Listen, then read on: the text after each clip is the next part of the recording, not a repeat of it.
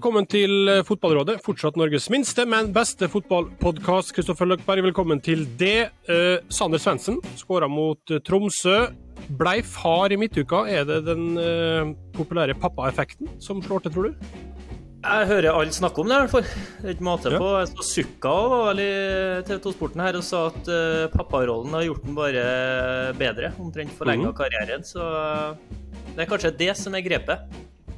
Det her var, kom, ja, for det her kom jo, ble jo aktualisert for et par-tre år siden av Martin Sleipnes faktisk, i Fantasypodden. For han mente at alle spillere som hadde blitt pappa, de måtte inn på laget, for der var det en pappaeffekt å spore.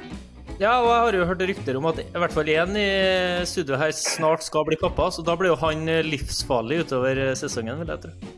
OK. Jeg er ikke så godt bevandra i familiære situasjoner, så da får vi eh, Den som skal bli pappa, får avsløre det sjøl, for jeg vet ikke.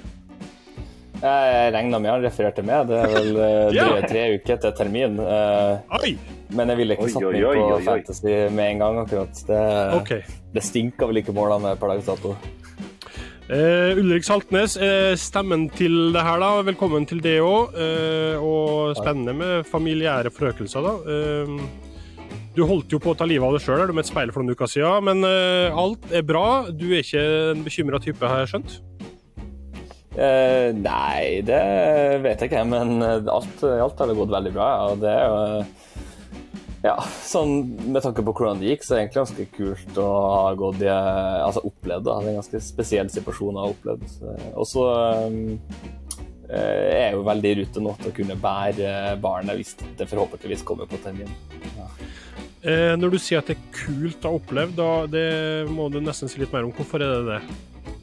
Mm, nei, man blir jo litt kjent med seg sjøl og kjent med hvordan man reagerer uh, i forskjellige situasjoner. Og så er det jo i tillegg litt sånn spennende å kjenne hvordan det føles ut, da, og hvordan det faktisk er. Og jeg tror, jeg, jeg tror mange vil altså Nå skal ikke jeg sammenligne med noen situasjoner, men jeg tror mange som havner i krisesituasjoner, opplever det samme. da, at, at, det gjør ikke spesielt vondt, og det er ikke spesielt skummelt. Men kroppen tar litt overhånd, og akkurat det er litt kult. Det har vært.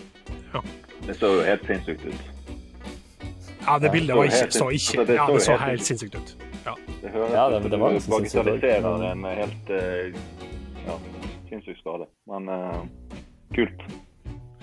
Uh, det her er da Fredrik Pallesen Knutsen. Uh, velkommen til det. Du har vært med før. Uh, hadde du opptrådt like iskaldt og kylig, tror du, i en tilsvarende situasjon? Nei, sannsynligvis nok ikke. Men det, det, det, er ikke noe som skjer i hverdagen her. greiene her, så det, det, du, det høres ut som du har eh, god eh, kontroll på, på, din mentale helse. Så det, er kudos, kudos til deg. Nei, men det er mange som har sagt der, ja, jeg ville bare besvimt i en situasjon, men jeg tror ikke det går an. For jeg tror hvis du hadde innlagt den i biologien din, så ville du jo dødd da, i rette omstendigheter. Så det er jo tidenes dårligste gen i så fall. Så jeg tror ikke det går an. Jeg tror kroppen bare tar overhånd. Ja. Så Ulrik er litt motsatt. Han er sånn der alle sier 'ikke prøv dette hjemme', så er han mer sånn oppfordrer til 'prøv dette hjemme'. For at du, du vil bli stolt der sjøl etterpå, rett og slett. Ja, så lenge du er nært et sykehus, da. Det er et viktig forbehold. Det er et viktig forbehold. Ja. Um, du har jo blitt pappa, Fredrik. Har du kjent noe til effekten av det? Altså, jeg tenkte på det når dere snakket om det, at uh, den effekten jeg fikk, var vel uh, benken og uh, ja, benkesliting i to-tre-fire uker i, i, etterkant. Og jeg følte at jeg var i ammetåke ganske så, så, lenge etterpå. Så det, akkurat den effekten fikk ikke jeg, for å si det sånn. Nei, akkurat. jeg, jeg, hadde mer nok enn å, med å fokusere på, på hvor ballen var på banen og, og flytte beina. Og, gjøre alt annet. Det var, det var, et helt nytt uh, liv for meg. Så jeg tror det er veldig individuelt hvordan man, man tar de greiene der. Ja. Men nå er, nå er, det veldig bra. Nå er det veldig bra. Nå er det veldig bra. Nei, men det er bra. Veldig hyggelig i hvert fall at dere er med alle tre. Vi bare stuper i det. Vi bruker da Twitter til å oppsummere ting som har vært litt snakkiser. Eh, eh, et selektivt utvalg der. Kristoffer, jeg starter med en tweet fra Vegard Femmen Vågbø som skriver Støvel i trynet på Nadderud er rødt, støvel i trynet på Lerkendal er gult. Uh, og så syns jeg hele opplegget der var veldig tullete, for jeg skjønte ikke hva som var forskjellen på de to situasjonene her. Du har sikkert sett det, skjønner du det? Jeg har sett det. Dommersjefen har prøvd å forklare meg og de fleste andre det. Fortsatt ikke stor forståelse for at det er mulig å tolke de to situasjonene veldig forskjellig. Det er sånn her prøver å spille ball, ser jeg dem si. Jeg har til gode å møte en motspiller som faktisk stempler i trynet. Men hvis du er så uforsiktig og ender opp med å gjøre det, uansett hvor mye du prøver å vippe unna den ballen, så må jo konsekvensen bli rødt kort, da, tenker jeg. Mm. Eh, så veldig rart. Og ja, de sitter nå omtrent sammen inni varebussen. her. De, Jeg vet de har hver sine kamper, men det må jo være litt sånn Det er jo det som er vanskelig og utfordrende for spillere, trenere og alle som er involvert. at den lista den varierer sånn fra uke til uke, fra kamp til kamp. og Det, det er litt synd. Eh, skjønte du forskjellen på det, Palle? Nei, jeg syns de er helt identiske. Jeg har sett begge situasjoner flere ganger. og ja, Det er litt sånn rart at, at det kan være så, så stor forskjell på, på, på avgjørelser når, når, i tillegg var blitt, uh, blitt, innført. Det er jo disse situasjonene som skal på en måte bli, bli tatt. da, og, og det skjedde ikke denne gangen, men det er klart at de skal jo få lov til å gjøre feil, det òg. Det, mm. Det, skal jo inngås dette systemet, og, og, det er ikke alltid lett å, å ta sånne avgjørelser. Uh, du ser jo at, at dommeren bommer jo på begge. Sant? og, og i, i Haugesund-kampen så treffer de på, uh, mens, mens, i den andre så, så, bommer de gjerne. Så får vi se hvordan det blir, blir i, i, lengden. Mm. Vil du veie inn du, Ulrik, eller eh, er det meste sagt? Jeg har ikke sett situasjonene, så det meste Nei. er sagt. Da er det meste sagt. Da konkluderer vi med det. Du kan heller få eh, reagere på Petter Bø Tosterud sin eh, eh, tweet om Morten Gams Pedersen, som nekter å være med i 'Mesternes mester'. Han vil bare spille fotball. og Nå er han 42 år i september og skal spille for Ranheim. Er du imponert over eh, Gamsen, eller hva er din reaksjon på at han eh, gyver løs på en ny klubb? Ja, jo, jeg må jo si jeg er imponert over uh, den gløden han viste, og den gleden, ikke minst, med fotball. Uh, og tilsynelatende at han klarer å holde kroppen i en så god forfatning at det er hva skal jeg si, forsvarlig eller mulig å spille fotball den, uh, i den alderen der. Jeg husker sjøl faderen når han var noen og 40, det var ikke akkurat pent å se på når han spiller fotball. Så jeg er imponert. og lurer på hvordan jeg føler sjøl i den alderen. Har du tenkt noe, altså Hvor langt frem i tid har du tenkt for din egen del å spille eller å holde det gående? Uh, nei, jeg har ikke tenkt så mye på det, egentlig. Jeg har nå eh, tre, tre og et halvt år igjen av kontrakten, så det er noe minste, minste muligheten. i hvert fall, Så får man se hvor, uh, hvor lenge man orker å holde koken. Men det, til syvende og sist så tror jeg det handler om uh, hva man syns er gøy å gi av det. egentlig. Mm. Og det virker som han syns det er veldig gøy å gi det. Mm. Hva tror du Kristoffer han kan føre, tilføre Ranheim? Han, han, og Kåre er jo gode buser, virker det som. Ja, men det, jeg tror det er perfekt for dem å få inn han når den altså tilsynelatende lysten hans til å bidra og spille fotball er så stor. fordi at han, er jo, han forstår jo han at han går inn i en rolle der han ikke skal starte hver kamp. Eh, men om det blir en skade, blir suspensjoner, eller om du trenger en innbytter, sånn som i helga mot eh, Koffa, at du, du trenger litt rutine siste halvtimen, så, så, er jo han mer enn klar og mer enn happy med å, å, å spille sånn. Og jeg, og jeg, vet jo da at uh, for en klubb som Ranheim, da, når de fikk Jon Hosæter skada, så var jo ett alternativ å se på den der nasjonale utlånskvoten og få inn en unggutt. Men da er jo kanskje forventninga der at der må du inn og spille. Og Det er ikke så lett å bli lånt ut som unggutt og, og spille seg inn i den elveren der. og Da får de inn en fra sida som ikke kommer inn og endrer dynamikken i gruppa på en annen vis enn at han er med og bidrar positivt da, rundt at han mm. har en sånn rolle. Så Det tror jeg er kjempe, det er vinn-vinn for begge parter.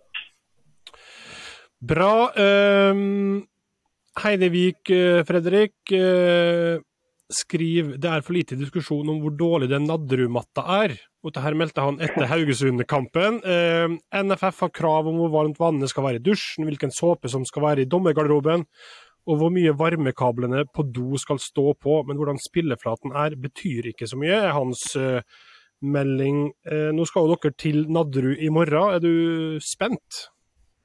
Ja, altså på baneforholdet er jeg ikke spent, for det vet jo alle er, er ræva dritt. Um, ja, altså det er jo det.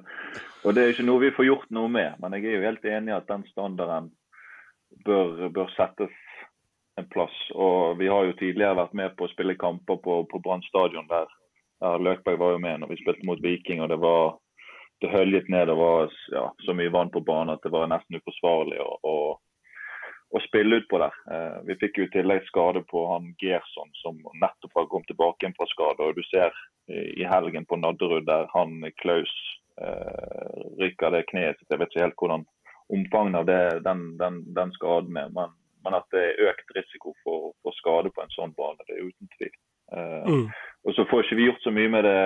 altså vi som lag vi, vi må jo bare stille opp og, og, spille den kampen i morgen og ikke fokusere på, på, på den matten, for det er jo likt for begge lag. Men, uh, men, det er klart at, at jeg syns det skulle vært strengere krav. og, og, og um, ja, jeg syns at NFF burde ha, ha kommet på banen og, og, vist hva de virkelig mener om denne saken. Altså, jeg skjønner ikke at eh, det ikke er en reservearena som du bare blir tvunget til å spille på, med mindre du har banen i bedre stand. Altså, sorry, men dere må spille på Kadettangen, og så medfører det det økonomiske smertelige tapet det medfører for, for den klubben. da. Eh, mm. Og så må jo de ta konsekvensen med OK, vi må faktisk investere enda mer i banen vår for å få lov til å spille her og få den effekten av det. Det samme, altså det, Stabæk er jo et eksempel. Eh, Sandefjord sin ser jo heller ikke veldig bra ut, og den Sandefjord-Tromsø-kampen var jo heller ikke noe fotballkamp, eh, egentlig. Du har Briskeby, som er et katastrofalt dårlig kunstgress. Vio hadde elendig kunstgress nedpå her. Det er helt på kanten til at de banene bør få lov til. At du må enten så investerer du i bedre bane, eller så tar du konsekvensen. Og vi f.eks. hadde måttet ha spilt på Østerhus, da, som har hatt skikkelig dekke. Ja, vi, jo, altså, vi har jo spilt to cupkamper på, på Åsen Arena fordi at de har ment at det ikke har vært forsvarlig. å, å spille på, på Brann stadion. og Det har jo vært uh, en helt ypperlig løsning, etter min mening. Uh, er det veldig stor forskjell på banen rundt om, Ulrik? Når liksom, uh, nå er det jo spesielle situasjoner kanskje på, litt på vinteren, men at det er for stor forskjell? At det burde vært et minstemål fra forbundet? Ja, det mener jeg absolutt. Og de eksemplene med spesielt av Stabæk og Sandefjord pleier å være ganske skralt uh, kvalitetsmessig når man er der utenom de tre sommermånedene. Så det mener jeg absolutt. Eh, det burde være en større diskusjon hvordan man skal få den banen man har i Norge i en god forfatning, enn at man skal ha mest mulig gressbane uansett hvor på landet det vil være. Det tror jeg. Er det... Det, det, det, er greit at, det er greit at, at, altså, Det er jo ikke greit, men den banen er jo dårlig nå. Sant? Men i helgen så spilte jo eh, både damelaget og herrelaget, og så kommer vi nå på onsdag allerede og spiller. Så spørsmålet er jo hvor dårlig blir den banen nå fremover i tid for alle de lagene som skal spille, altså møte Stabæk der. Sant? Det er jo Sannsynligvis vil jo den banen være ødelagt i, i, flere måneder. Det skal jo mye til for at den blir OK i, i løpet av denne sesongen. her. Mm. Og så skal vel Stabæk kvinner møte Brann-kvinner der til helga igjen, så eh, ganske hard belastning på den banen der. Hvor lett er det da å ignorere det her i forkant? Og ikke tenke på det i så stor grad at man blir påvirka av det? Nei, altså Vi har som sagt vært i lignende situasjoner før, og det er jo likt for, for begge lag. Eh, og vi kan ikke ligge for mye i, i det banegreiene. Vi skal jo, Den kampen blir sannsynligvis spilt uansett. Uh, så, mm. så, så, fokuset må være at, at ja, det er en såpass viktig kamp, sant? cupen og, og semifinale. Og, og, vi må komme der for å, for å vise at vi er villige til å ligge alt mulig ned for, for å gå videre. Så, så, det er sånn vi tenker det bra. Og så skal vi snakke om uh, at flere klubber har rusta opp Eh, stallen sin før sesongen, bl.a. dere i Bodø-Glimt, Ulrik. Og noen mener jo at dette nesten er tidenes beste stall i Eliteserien. Eh, og det er jo et stort fortrinn i konkurransesammenheng, men det er, går jo utover noe eller noen. Og så la jeg merke til at du var gjest i Fotballkveld for et par uker siden, der du eh, bl.a. snakka om at eh, det er mange som sier at konkurranse er så deilig, og du mener at de lyver når de sier det. Uh, og det er sikkert kanskje satt litt på spissen, da. Men uh, for din egen del, da, hva tenker du om å være eh, en del av en tropp der de, som er så konkurranseutsatt og som har så høy kvalitet på så mange plasser? Ja, det jeg sa var vel at jeg tror mange lyver når de oppgir det. Ikke at alle lyver. Det finnes vel dem som, som får ut det beste av seg sjøl i den situasjonen der. min egen situasjon er jo egentlig ikke tenkt så mye på nå. Den er litt sånn irrelevant med tanke på at jeg ikke har hatt med fotballsko på ja, det blir et halvt år om noen uker. Så da er liksom ikke det første man tenker hvordan man skal inn og konkurrere og, og, og spille. Men eh, generelt, det å, eh, å, være i en veldig tøff eh, konkurransesituasjon og vite at med mindre du presterer på ditt aller, aller beste, så er det noen andre som får sjansen til å prestere, det er, det er tøft og tungt psykisk. Det er ikke noe tvil om det er ubehagelig. Og, og det presser deg ut av komfortsona for bedre eller for verre. Er det slitsomt på noe vis? Ja, det kan det jo være. Uh, utvilsomt. Det er jo på en måte noe du alltid har hengende over det et premiss Uh, altså, Det er jo et premiss du alltid har hengende over det i større eller mindre grad, men i, i stor konkurranse så har du det i større grad hengende over det. Uh, så det kan absolutt være slitsomt. Og så er det jo eh, i sånne situasjoner, f.eks. metodikken vi, prøver å bruke med prestasjonsfokus, kan komme inn i bildet for å ja, avlaste litt uh, den belastninga det faktisk kan være, da, og heller fokusere på seg sjøl og sin egen prestasjon enn konsekvensene av prestasjonen er, nå er jo det, det, stedet dere er på nå som klubb og lag, er jo veldig annerledes enn for noen få år siden. Er dynamikken spillerne imellom eller i garderoben, eller er den annerledes òg, når kvaliteten er mye høyere? Nei, det vil jeg ikke si. Jeg vil si den er ganske uendra. Ja, OK. Eh, du Kristoffer, eh, har sittet mye på benken i vår. Hvordan opplever du det? Nei, det, det var drita kjedelig. Eh, altså det, og så er jeg uh, uvant, da. Jeg har vært heldig. Jeg, jeg, tenkte over det den dagen at sist jeg starta en seriepremiere på benken, var i 2009. Så det begynner å bli en stund siden. og da er det først og fremst den der følelsesmessige Du ikke vet helt hvordan det, hvordan, det, kjennes på kroppen. nå er det litt sånn at jeg har heldigvis blitt eldre en yngre utgave av meg sjøl hadde eh, stressa mer og tenkt at å, nå må jeg, eh, nå går toget, på en måte. Eh, karrieren min forsvinner hvis jeg ikke spiller fast hver gang. ambisjonene mine er jo på vegne av klubben jeg spiller i. Altså, jeg ønsker jo at Viking skal komme høyest mulig opp på tabellen. Og om det da krever at jeg er ekstremt god i min rolle som innbytter eller i løpet av treningsuka i garderoben, på feltet osv., så, videre, så så vil jo jeg legge mer i den potten. Men jeg vil forstå at en, en yngre spiller da, i samme situasjon, da begynner jo tankene å gå om Oi, hva skjer med karrieren min? Blir jeg glemt? Forsvinner jeg? Eh, blir jeg en mye dårligere fotballspiller de ukene her? Og du glemmer fort at det som jeg har erfart, f.eks. at det, ting snur veldig fort. Enten for deg sjøl eller for andre. Så den tålmodigheten du kanskje har opparbeidet deg gjennom en karriere, den er ikke der for, for andre. da. Mm. Er du mer tålmodig nå, Fredrik, med tanke på din egen spilletid, enn hva du var for sju år siden? Ja, det, det vil jeg si. Enig med, med, med Løkberg i mye det han sier. at, at altså, Gjerne med årene da, så lærer du deg litt at, at laget først og fremst kommer først. da. Eh, og Jeg husker jo tilbake til Haugesund-tiden. når når, eh, når, de hentet Karamoko eh, rett etter sesongstart. Jeg hadde startet de to første, så gikk jeg på benken jeg tror det var seks-syv kamper. Eh, og brukte altfor mye energi og, og, tid på det. Jeg gikk hjem og var sint og liksom forsto ikke helt den avgjørelsen. da.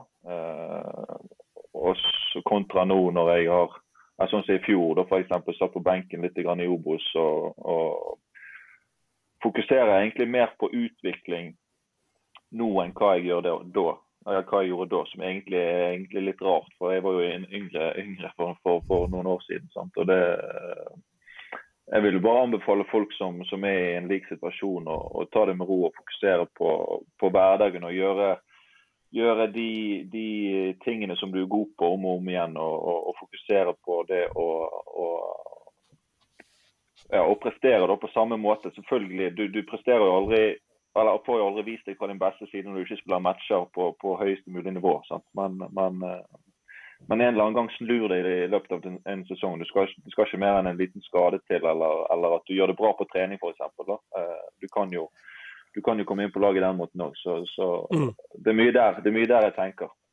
Altså En følelse jeg sjøl Ja, sorry. Ja, når, når, når du får muligheten sjøl òg, så må du på en måte være best mulig rustet til, til, å være klar for den og gripe den muligheten. Det er liksom der, der fokuset mitt eh, ligger. at når, når, jeg får muligheten, så skal jeg være best mulig rustet til å vise at dette er jeg god nok for. Mm. En tanke jeg sjøl trøster meg litt med, da, og som jeg på en måte har lært meg bedre å tenke, er at til syvende og sist er jo en tredjepart du ikke kan kontrollere i særlig stor grad. Det er jo trenerteamet, treneren, som tar ut laget. Du kan jo Altså, jeg sørger for at så lenge jeg drar hjem på fredag med god samvittighet over den jobben jeg har gjort gjennom uka til å faktisk prøve å spille meg inn på laget, så har jeg gjort mitt, og så kan ikke jeg kontrollere den tredjeparten i at de eh, ser noen andre muligheter, ser andre bedre eh, utvalg til å spille den kampen som kommer på søndag. Eh, før så kunne jeg også, hvis jeg var på benken, bruke jævlig mye energi på akkurat det, men hva mer skal jeg gjøre, liksom? Hva, hva mm. mer kan jeg gjøre? Og så, så starter jo med meg sjøl at jeg faktisk kan se meg sjøl i speilet og si at jeg har gjort den jobben. Hvis ikke så må du jo kanskje gå noen runder og legge ned det ekstra som kreves. da. Og til, hvis du har gjort det, så blir det litt sånn Da har jeg i hvert fall OK samvittighet, da, og så får jeg bidra med det jeg kan når kampen kommer på søndag. Mm. Ja, det, jeg tror det òg er mye bedre for utviklingen din sjøl, eller det, prestasjonsmessig på trening. Altså, du, vil, du vil ha mye bedre fokus på, på de rette tingene kontra å komme på trening og være sint og, og, og, frustrert på både trenere og lagkamerater for at de spiller fremfor deg. Da. Uh, og så tror jeg at det vil være mye bedre for harmonien i gruppen. Uh, det er klart at Fotball er ferskvare, det er konkurranse. Uh, du kommer ikke utenom det. Og, og Takler ikke du det, så, så så ja, er jo på en måte ikke sporten for deg. da. Eh, det vil alltid være en som, som er ute etter din plass. Eh, og den, Det vil du aldri bli kvitt. da. Men, men eh, ja, min erfaring er å, å, gjøre det på mest mulig likt som, som løper på Klara. Mm. Nå har du vært eh, skadeplaga, Ulrik, eh, men på et eller annet tidspunkt så er du jo eh, tilbake i full trening og fullt spill og matchklar igjen. Hvordan ser du for deg at det skal spilles ut for din del da, når du på en måte melder det 100% igjen? Nei, jeg har egentlig ikke så mye tanker om det. Det føles veldig langt unna ut å, å tenke sånn. Det er jo sånn de guttene her påpeker, det er jo helt rett eh, det fokuset de beskriver med ja, Summert opp så er det jo egentlig gjør så godt du kan og ha fokus på deg sjøl. Det, det, er jo det som alltid er det beste og det du kommer lengst med. Og så er det jo vanskelig, ja. lettere sagt enn gjort. Og, men jeg tenker jo jeg har jo aldri vært skada sånn som jeg har vært skada nå. og Den dagen jeg kommer tilbake, er jo da jeg mer enn noensinne virkelig trenger å, og bare ha fokus på meg sjøl og prøve best mulig med de forutsetningene jeg har. For det er klart, eh, etter så lang tid ute så har du ikke gode forutsetninger for å prestere på ditt beste. og Det er bare sånn det Men alt er jo mm. relativt. Eh, tror du, Kristoffer, at eh, Nå er dette sikkert noe, et ledende premiss, men det å være eh, komme fra nærområdet og være lokal, at man opplever konkurranse på en annen måte enn hvis man er kjøpt inn eh, på noe vis? At man har større aksept for det, eller er dette her litt sånn ja, det er som tenker litt for høyt. Ja, men jeg, jeg, skjønner hva du mener. At eh, en lokal vil jo ha større hjerte for den klubben man er en del av. Og en lokal en vil da i større grad ha den klubbfølelsen som gjør at i slutten av en sesong, da, hvis du sier at du spiller for Bodø-Glimt og du har hatt tre innhopp og, og to starter, men Bodø-Glimt vinner serien, så vil jo det fortsatt være noe av det største du har vært med på. Eh, mens hvis du er kjøpt inn og har forventning om at her skal du eh, lede liksom, laget til det store, eller at her skal du være innom for å utvikle deg og ta steget videre, da tror jeg du kjenner mer på de følelsene at ah, jeg har ikke bidratt en skit her, liksom.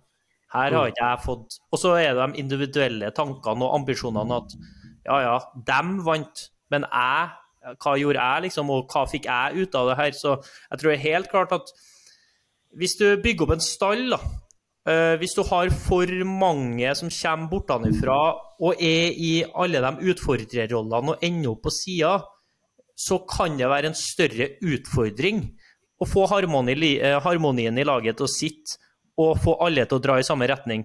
Men det er jo til syvende og sist en arbeidsleders jobb og da en trener å få den dynamikken. og Jeg så jo Kjetil Knutsen sa at jeg kan jo ikke ta ansvar for alles følelser. Eh, og det er jo helt riktig det òg, men samtidig så må du jo gjøre noe rett i løpet av en sesong når du, når du får det til å svinge så mye og at eh, du blir et vinnerlag òg. Så tror du ikke at eh, når elleve mann får eh, gul vest eller hvit vest, hva det er oppe i Bodø, så drar ikke de og ser ned på skotuppene og surmuler og ikke gidder å, å, gjøre sitt beste. Da har du i hvert fall satt noen standard da, for hvordan du må opptre eh, hvis du er i en sånn rolle. Har, altså, det, grunnen for at jeg spiller fotball, er jo for å, å, å vinne fotballkamper og sitte igjen med en god følelse etter match. Det er punkt nummer én. Altså, det er ingenting som gir meg mer eh, altså, god selvfølelse enn en, en det. Da. Og, altså, har, har, tatt meg helt ut. Eh, hatt en god prestasjon, og så sitter du igjen med, med tre poeng i, i banken. Eh, og Når du sitter på benken, så får du ikke de, de følelsene der. For uansett om, om laget vinner, så er ikke du altså Du tar ikke del i det på like stor grad. altså Du er ikke der ute i 90 minutter og, og fighter for de tre poeng. Får gjerne et innhopp eller eh, ti minutter, men det er ikke samme, samme følelse. Det vil det aldri bli. Eh, men så, så akkurat den biten der den, den, kan være et stort savn i, i, i, det å sitte på, på, på sidelinjen og, og, kanskje ikke ta del. Mm. Hvor, hvordan er det for det nå, Ulrik? Hvor mye føler du at du er en del av det Bodø-Glimt presterer når du um, er skada og ikke spiller? Nei, det gjør jeg ikke. Jeg føler jeg tar null ansvar for det som uh, blir prestert ute på banen i det hele tatt. Uh, og så er det klart, Man er jo en del av noe større, og man er jo del av et lag som skal dra i samme retning. Eh, men i praksis så er det jo mye vanskeligere eh, jo mindre du føler du bidrar på banen, og faktisk eh, føle det sjøl. Um, og så er det litt sånn for min del som har vært ute så lenge, så er det litt godt òg på en måte å ikke være for involvert eh, i laget og, og faktisk eh, tillate sjøl å ta litt avstand. da. Eh, for å forhåpentligvis hente litt tilfart uh, når man skal komme tilbake. Mm. Hvor mye mm, Jeg vet ikke om du kan svare på det, Fredrik, men hvor mye er, oppsøker du eh, trenere f.eks. For, for å snakke med dem om eh, dine muligheter eller posisjon eller sjanser, eller for å få forståelse for eh, hvis du ikke spiller? Nei, Mitt inntrykk eller jeg vet, altså I, i Brann så er Hornland og Huseklepp og Hassan de er flinke til å kommunisere med spillerne sine. og jeg føler det helt veien er en, en plan. sånn som I preseason så har jeg vært litt inn og ut og spilt, uh, spilt faktisk en del 90 minutter Uh, for, altså, I forhold til hva Hornland vanligvis har gjort med, med troppene sine, så har han kjørt en elver hele preseason. Men i år har han vært litt mer og rotert litt. Så, og Da har det hele tiden vært en plan. Jeg har hele tiden fått vite nesten når jeg skal spille, når jeg ikke skal spille på forhånd. og Så kommer det en kamp i morgen der der det sannsynligvis skjer en rotasjon. Sant? Og Da har jeg fått vite om det i, i, i, god tid for, på forhånd. Så det, mm. jeg føler kommunikasjonen derfra er, er solid. og han, han, har alltid møter med spillere før eh, laguttak eh, og den type ting. Med de som mm. gjerne ikke skal spille. Så, så, han er flink på, på kommunikasjon med spillere. Hvor mye oppsøker du du oppsøker sikkert Morten Jensen mer enn de fleste andre i stallen, Kristoffer, for du står jo her som en assistent på sidelinja. Men eh, gjør du det òg for å få noe bekreftelse for din egen del, eller eh, hvordan er det? Ja, altså, Vi har gode voksne samtaler. Jeg har sagt dem at jeg er jo ikke, jeg er jo ikke 14 år og trenger å bli, liksom, eh, få liksom, den stryken på ryggen og si ja, 'godt jobba, gutten min, fortsett sånn'. liksom. Jeg, jeg, når jeg setter meg ned på trenerkontoret med dem, som jeg har gjort uh, i, i, før og etter sesongen starta, så har vi ærlige samtaler om uh, hvilke prioriteringer de gjør, og hvor jeg står uh, i forhold til det. Så det, det, er egentlig veldig fint. Jeg, jeg liker, vi har et veldig godt forhold. Jeg har sagt til dem at det, Eh, det er veldig stor forskjell for meg om jeg blir ignorert eller involvert. Så lenge jeg fortsatt blir involvert og får ta del i det vi gjør sammen for å vinne fotballkamper, så kan jeg kanskje lære meg en sånn rolle som jeg har nå. Eh, jeg driver og øver meg fortsatt, det er uvant, så vi får se på sikt. da, men jeg har også opplevd situasjoner eh, og sett andre spillere der med en gang man er ute av laget, så er man ikke viktig. på en måte, Man blir ignorert. og Det er jo kanskje individet som må ta ansvar for det. at Med en gang man er på utsida, så sier man ingenting i garderoben. Man sitter liksom mutt og, og ikke engasjerer seg i helheten. Mens andre ganger så, så er man fortsatt i varmen. da, for at det ja, det er bare elleve som spiller, men eh, du må jo ha med deg alle mann om bord for at laget skal få suksess over tid, da, tror jeg. Men uh, det, det, er ikke, det, er jo ikke lett, ikke, men ærlighet varer lengst, og det er de flinke til nedpå her. Til meg, i hvert fall. Beskriv, beskriv, følelsen din, Fredrik, når uh, laget kommer og du ikke er blant de elleve. Nei, det er jo Følelsen da er vel opp litt oppgitt. I hvert fall hvis man har hatt en god uke på forhånd eller ja, eh, hatt gode prestasjoner på trening og, og, føler at man burde vært på det laget. Så, så, blir man litt oppgitt, litt frustrert. Og så kan det gå noen timer, og så er det fokus på, på matchen som, som, kommer mm. dagen etterpå. Så det, det er viktig å ha den, den der òg, altså den følelsen. For, for, du skal ikke akseptere å sitte på benken heller. for det, da, da driver du med feil idrett. Så Apropos det, da. Eh, du sendte det med Kristoffer. Eh, så John Joe Shelby hadde fått beskjed om å være igjen hjemme av treneren til Forrest, fordi han hadde blitt så forbanna av å bli satt på benken. Hva er uh, Ulrik akseptabelt uh, reaksjonsmønster når man blir satt ut eller havner på benken, og hva er ikke greit? Nei, det, man observerer jo mye rart når folk uh, blir benka. Det er litt sånn jeg tror det er mange som tenker litt over hvem man skal være den uka eller den dagen man innser at man kommer til å bli benka i helga. Skal man på en måte fortsette å være seg sjøl, bli uh, utadvendt, uh, gi av seg sjøl? Skal man vise hele verden at man er sint, man skal hive litt ting i veggen og være litt mutt, uh, som Kristoffer sier? Eller hvem skal man være? Jeg tror det er mange som faktisk bruker litt tid da, på den nye rollen sin. Da, og og, og prøver å være mest mulig taktisk der. Da. Hvem er det hvem er det de tror treneren vil se? Vil han se den engasjerte? Vil han se den sinte som ikke aksepterer det? Eller, eh, ja. Nå høres det ut som han Shelby her har gått litt for langt i sin eh, rolle, da. men eh, ja, jeg tror fort du overtenker ting. Men det er ganske interessant, for at jeg husker, jeg skal ikke nevne navn, men fikk, i Brann så fikk jeg beskjed av en, for der var jeg jo litt inn og ut av laget. og så fikk jeg beskjed av en etter at jeg, jeg ble benka og var, var skuffa over det. Så sa han til meg i starten av uka etterpå eh, så sa han til meg at eh, faen, du, du, må bli litt mer sint og forbanna når du blir benka. Og, og lage litt mer helvete for treneren. Fordi at det er så behagelig å sette deg på benken. Fordi at jeg gjorde nettopp det som Ulrik sier, at jeg, OK, jeg beit i meg, jeg var forbanna, men jeg gikk ut på feltet, med, fikk på meg den gule vesten og bare piska og ga alt for at det i hvert fall skulle bli ei bra økt for meg sjøl og for laget. Men da, det han mente, da, var jo til meg at ja, men da er det jo ganske lett å sette deg på benken, for at treneren vet at han får maks ut av deg uansett. Mens i et annet tilfelle, i en 50-50-situasjon, så sitter de inne på kontoret.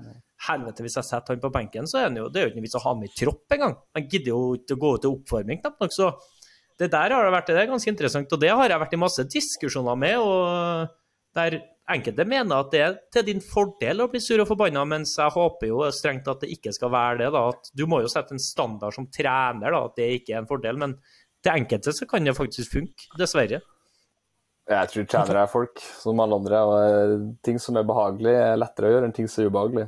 Mm. Du et, er du en ubehagelig person når du blir satt på benken, så tror jeg det er vanskelig å sette på benken uansett hva treneren tenker eller føler om akkurat det, så tror jeg det er litt sånn likevel. Så det er oppskrifta, da. Lag en helvete. Ja, dessverre.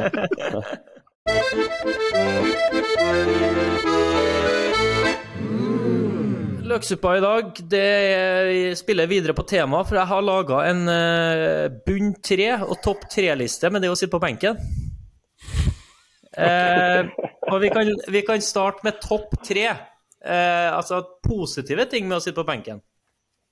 Eh, på tredjeplass så har vi det når de elleve som har fått gul vest, har kommet over kneika og virkelig bare skal ut og kose seg med å spille fotball, og plutselig bli forvandla til Barcelona på treningsfeltet. Der har du folk som aldri har dribla en person før, plutselig drar av som bakerste mann, og det blir helt tikki taka, og den gjengen som skal starte, de irriterer seg så jævlig over at den, den gutta der plutselig har blitt fantastiske spillere. Eh, spesielt i treningsuke der du f.eks. skal være Tromsø, da, speile litt Tromsø som spiller med keeperen og tjo og hei. Så det, det, er nummer tre. Eh, nummer to er mat før kamp.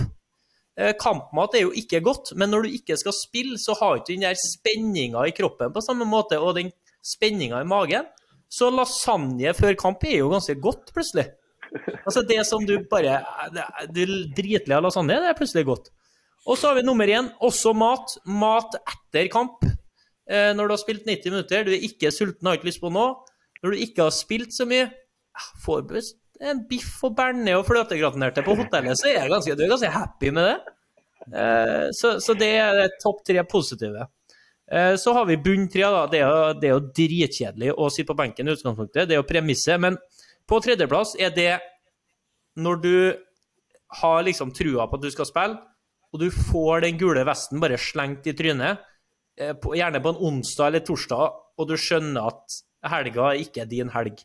Den er, Da har du lyst til å kaste opp og bli sint og alt på en gang. Uh, nummer to de jævla løpene etter kamp. Fy faen. De løpene etter kamp, det er noe av det mest jeg, jeg blir så irritert, og det er sånn nedverdigende å drive og ha doggies opp og ned der, og kamera står ved siden av, og folk står igjen og hoier, og Nei, det er dritkjedelig. Men det verste, verste er den der når du ender opp i en kjeglefunksjon på trening, for at elveren skal øve på noe. Så f.eks. at elveren øver frispilling, og du springer som ei bikkje imellom i undertall for å vinne den ballen. Og med en gang du vinner ballen, som kan lede til noe artig, så blæs treneren. Gi fra deg ballen igjen. De som skal starte, skal øve. Eh, og det kan skje tidlig i uka, liksom, for her skal det bygges relasjoner tidlig. Så det Nei, det finnes mye jævlig med å være på benken, men det der var, var bunn tre fra meg. Det er mulig at de har noe å tilføye, de andre. Også. Det er jo masse Brann-supportere. Det er fullt kok i, i, i, Bergen om dagen. Så, så folk står igjen. Uh, og vi kjører litt sånn sprintrelatert uh, løp etter økt. Så meg og Aune vi har stått igjen to, to kamper på rad. Og, og, da har jeg hatt min egen heiagjeng oppe på, på, på tribunen som har, som har, heiet meg frem for å slå Aune. Så det er jævla motiverende akkurat der og da. Men det er jo noe drit å løpe de løpene. Uh, og så er jo det denne økten dagen etter match. Uh, som du gjerne blir sendt ut uh, jeg vet ikke, Nå har ikke vi så brei tropp, da, men, uh, men, vi har jo et tilfelle nå på, på, på, søn, på søndag.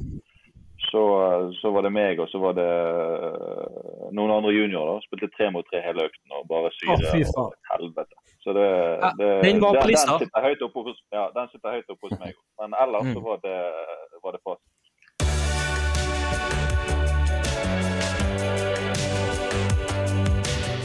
Svaret er ja. Svaret er ja. Svaret er ja. Svaret er ja på det. Svaret er ja på det. Svaret er ja. Svaret er ja. Svaret er ja. Svaret er ja. Svaret er ja. Svaret er ja på det. Vi tar noen eh, lytterspørsmål. Vi nærmer oss slutten her. Uh, Henrik lurer på Pallesen til det, eh, om du greier å svare noe kort på hva som er den største forskjellen på Obos og Eliteserien? Nei, Det er jo kvalitet. Eh, ja. Rett og slett. Du har eh, enkeltspillere som, som, som, ligger mye høyere. Og den forskjellen skal jo bli enkelte. Eh, dette er kanskje et uh, vanskelig spørsmål å ta på sparket, Ulrik, men han spør òg om du har en motspiller som er ekstra ille uh, å møte. Som du bare Det her er verste fyren jeg spiller mot. Uh, ekstra ille. Nei, altså, jeg syns jo Kristoffer kan være ganske slitsom å spille mot, da. Det tror jeg, det tror jeg ganske mange midtbanespillere i Norge syns. Han er jo høylytt, og du hører han jo, ser han jo, og han sparka jo litt eh, på tærne og hæla og akillesen. Han er jo en plagsom som spiller, da. Det er jo på en måte litt det som er styrken hans, vil jeg jo si. Så der lykkes han jo. Det er jo ofte, har jeg inntrykk av, at det er Kristoffer eller Sivert Heltene som kommer eh, fort, fort opp på den lista her, blant mange. Ja, han, eh, han har jeg glemt litt av, det så lenge siden jeg har spilt på han, men eh, han, òg, ja, han, han er også slitsom å spille mot. Ulrik undervurderer seg sjøl, for at han har sånne spydige kommentarer. sånne, sånne jævlig sånn dratetrynekommentarer. Å, ja. Sånn her mer sånn går under radaren. For at det er sånn her Ja. Ja, det, det, er- det er ikke sikkert han vet det sjøl engang, men det er sånn her Når du tror at du skal krangle med han, så kommer han det blir bare det preller av, og så kommer det sånn usaklighet tilbake, så går han bare. Uh, OK. Kristoffer vet ikke om det er premisset her til Terje er rett, men han spør om de tre på topp hos Molde er for stor til å bli benka, eh, og at de derfor havner i 3-4-3, som ikke fungerte i fjor, fremfor 3-5-2, hvor de var uslåelige. Men eh, nå spiller de de fortsatt spiller jo 3-5-2? 3-5-2, men problemet deres er at Veton skal ned som indreløper defensivt, og så skal han opp Mm. som spiss, og Eikrem har fri rolle øh, offensivt. på en måte, Det er jo, ja. Men det er et godt poeng at det noen ganger kan jo bli for mye av det gode, for det handler jo om å ta ut de elleve som er best sammen, og ikke bare de elleve beste spillerne. Så det kan jo ha gjort det ekstra vanskelig for dem, det, det kan det ha gjort. Et siste spørsmål her fra Olav Sandmo, Ulrik. Beste spiller fra Brønnøysund etter Ulrik Saltnes?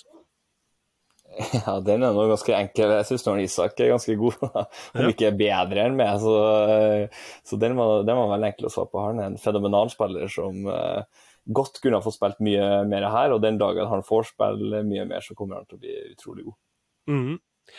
Hvem er topp tre fotballfolk fra Brønnøysund? Er du, Isak og Paco, er det det? Nei. Ja, sånn per dags dato, ja, så vil jeg jo si det. Han er jo blitt ganske eh, velrenommert, han òg, vil jeg si.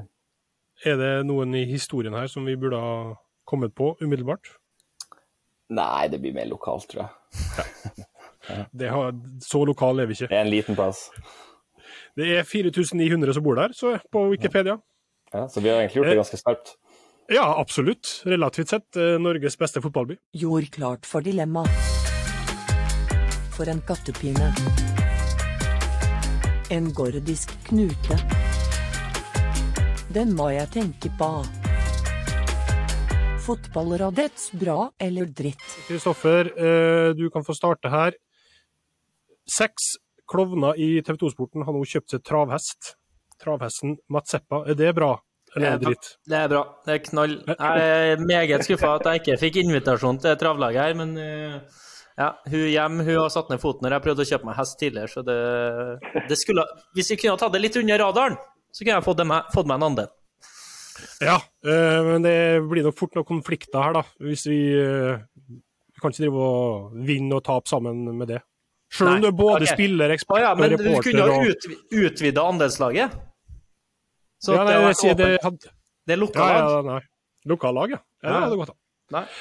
Eh, OK, eh, Fredrik. Uh, tilleggstid. Ja. Er det alltid bra eller drit, eller finnes det noe Nei, det er jo ikke Det, det kan jo være drit, og det kan være bra. Altså Leder du 1-0 og det kommer syv minutter på, på klokken der, så er jo det ganske drit. Eh, men, eh, men eh, Og hvis du skal jage et lag, nei, jage et mål, så er jo det ganske deilig. Så, så det er For meg som stopper og som, som helst vil ha korte kamper og minst mulig løping, så er det så jeg si drit. da. Det er drit, ja. Eh, Ulrik, uh, nå er det vel seneste man spiller i Norge kvart over sju, da, men det å spille de sene kampene kontra klokka fem eller tidligere på dagen, uh, bra eller drit? Ja, ja. Alt etter ett er bra. Det er skikkelig bra. Og jo, jo tidligere, jo bedre, og jo senere, jo verre. Det er helt utvilsomt. Ja, så senkamper, det er drit. Det er drit, ja. Ja, ja, ja. Det må bare ikke bli for tidlig. Men ja. ett er bedre enn to, og to er bedre enn tre. Hva er ditt ideelle kamptidspunkt? Er det ett? Ja, tror jeg. Jeg tror ett. Da tror jeg det, det Der starter for meg. Tolv blir hakket for tidlig. Det blir litt sånn Ja. treningskamp. Do- Dere to andre? Eh, 15.00. Lørdag 15.00. Jeg er enig med, med Saltnes der. Ett er fint, altså. For da står du opp, spiser frokost, rett på match. Ja. Eh, bra. Eh, være, jeg har så dårlig hukommelse, det kan vi ha tatt den her før, Kristoffer, men buekorps? Bra eller drit? Det er drit. Det er drit, ja. Altså, jeg er fortsatt, jeg er fortsatt irritert etter den 17. mai-en min i Bergen. Fordi at det var ikke måte på hvor bra den her hovedprosesjonen skulle være. Og det var sånn, jeg, jeg, og- fruen var ferdig med det der vi kaller for borgertog i Trondheim. Det er jo et tog. Ja, Hvor stolt er dere, hvor glad er dere for at dere har fått vært med på det her, og en stor opplevelse. Nei, jeg, altså, jeg er oppvokst i Trondheim, vi har tog der òg, vi kaller det bare tog. Du skal få slippe å svare, Fredrik, for det er åpenbart at du syns buekorps er bra. Ja da, det klingte. Mm. Men du kan heller få svare på trøndere. Bra eller drit? Drit. Det er drit, ja. Jeg trenger ikke å begrunne det. Bare klinker og drit. Kan være at Kristoffer argumenterte godt for saken akkurat nå.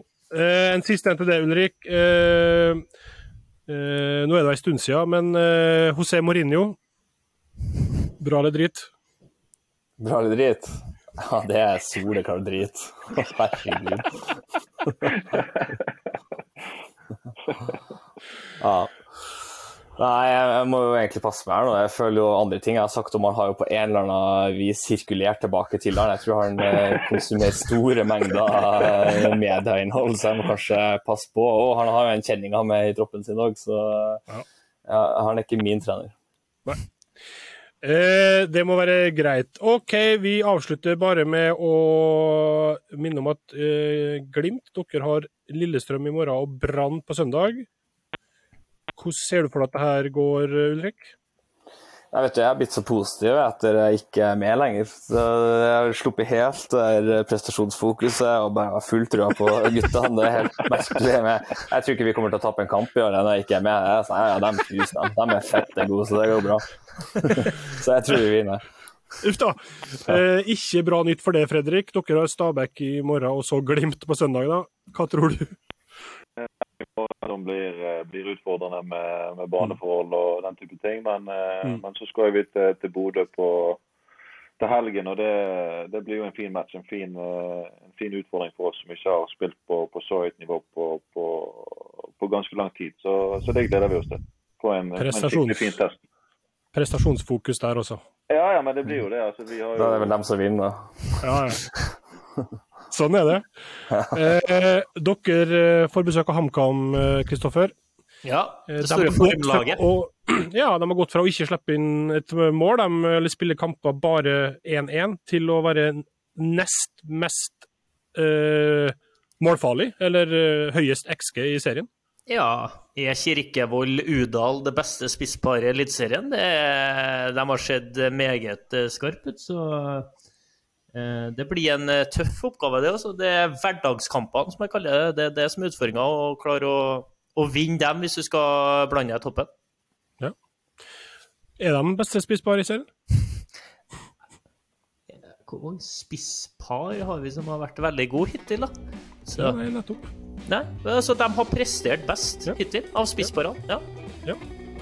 Nei, men bra. Da eh, tror vi bare setter strek. Tusen takk for at dere var med oss alle tre. Takk for at dere har hørt på dere som gjorde det. Og så eh, høres vi igjen om ei uke.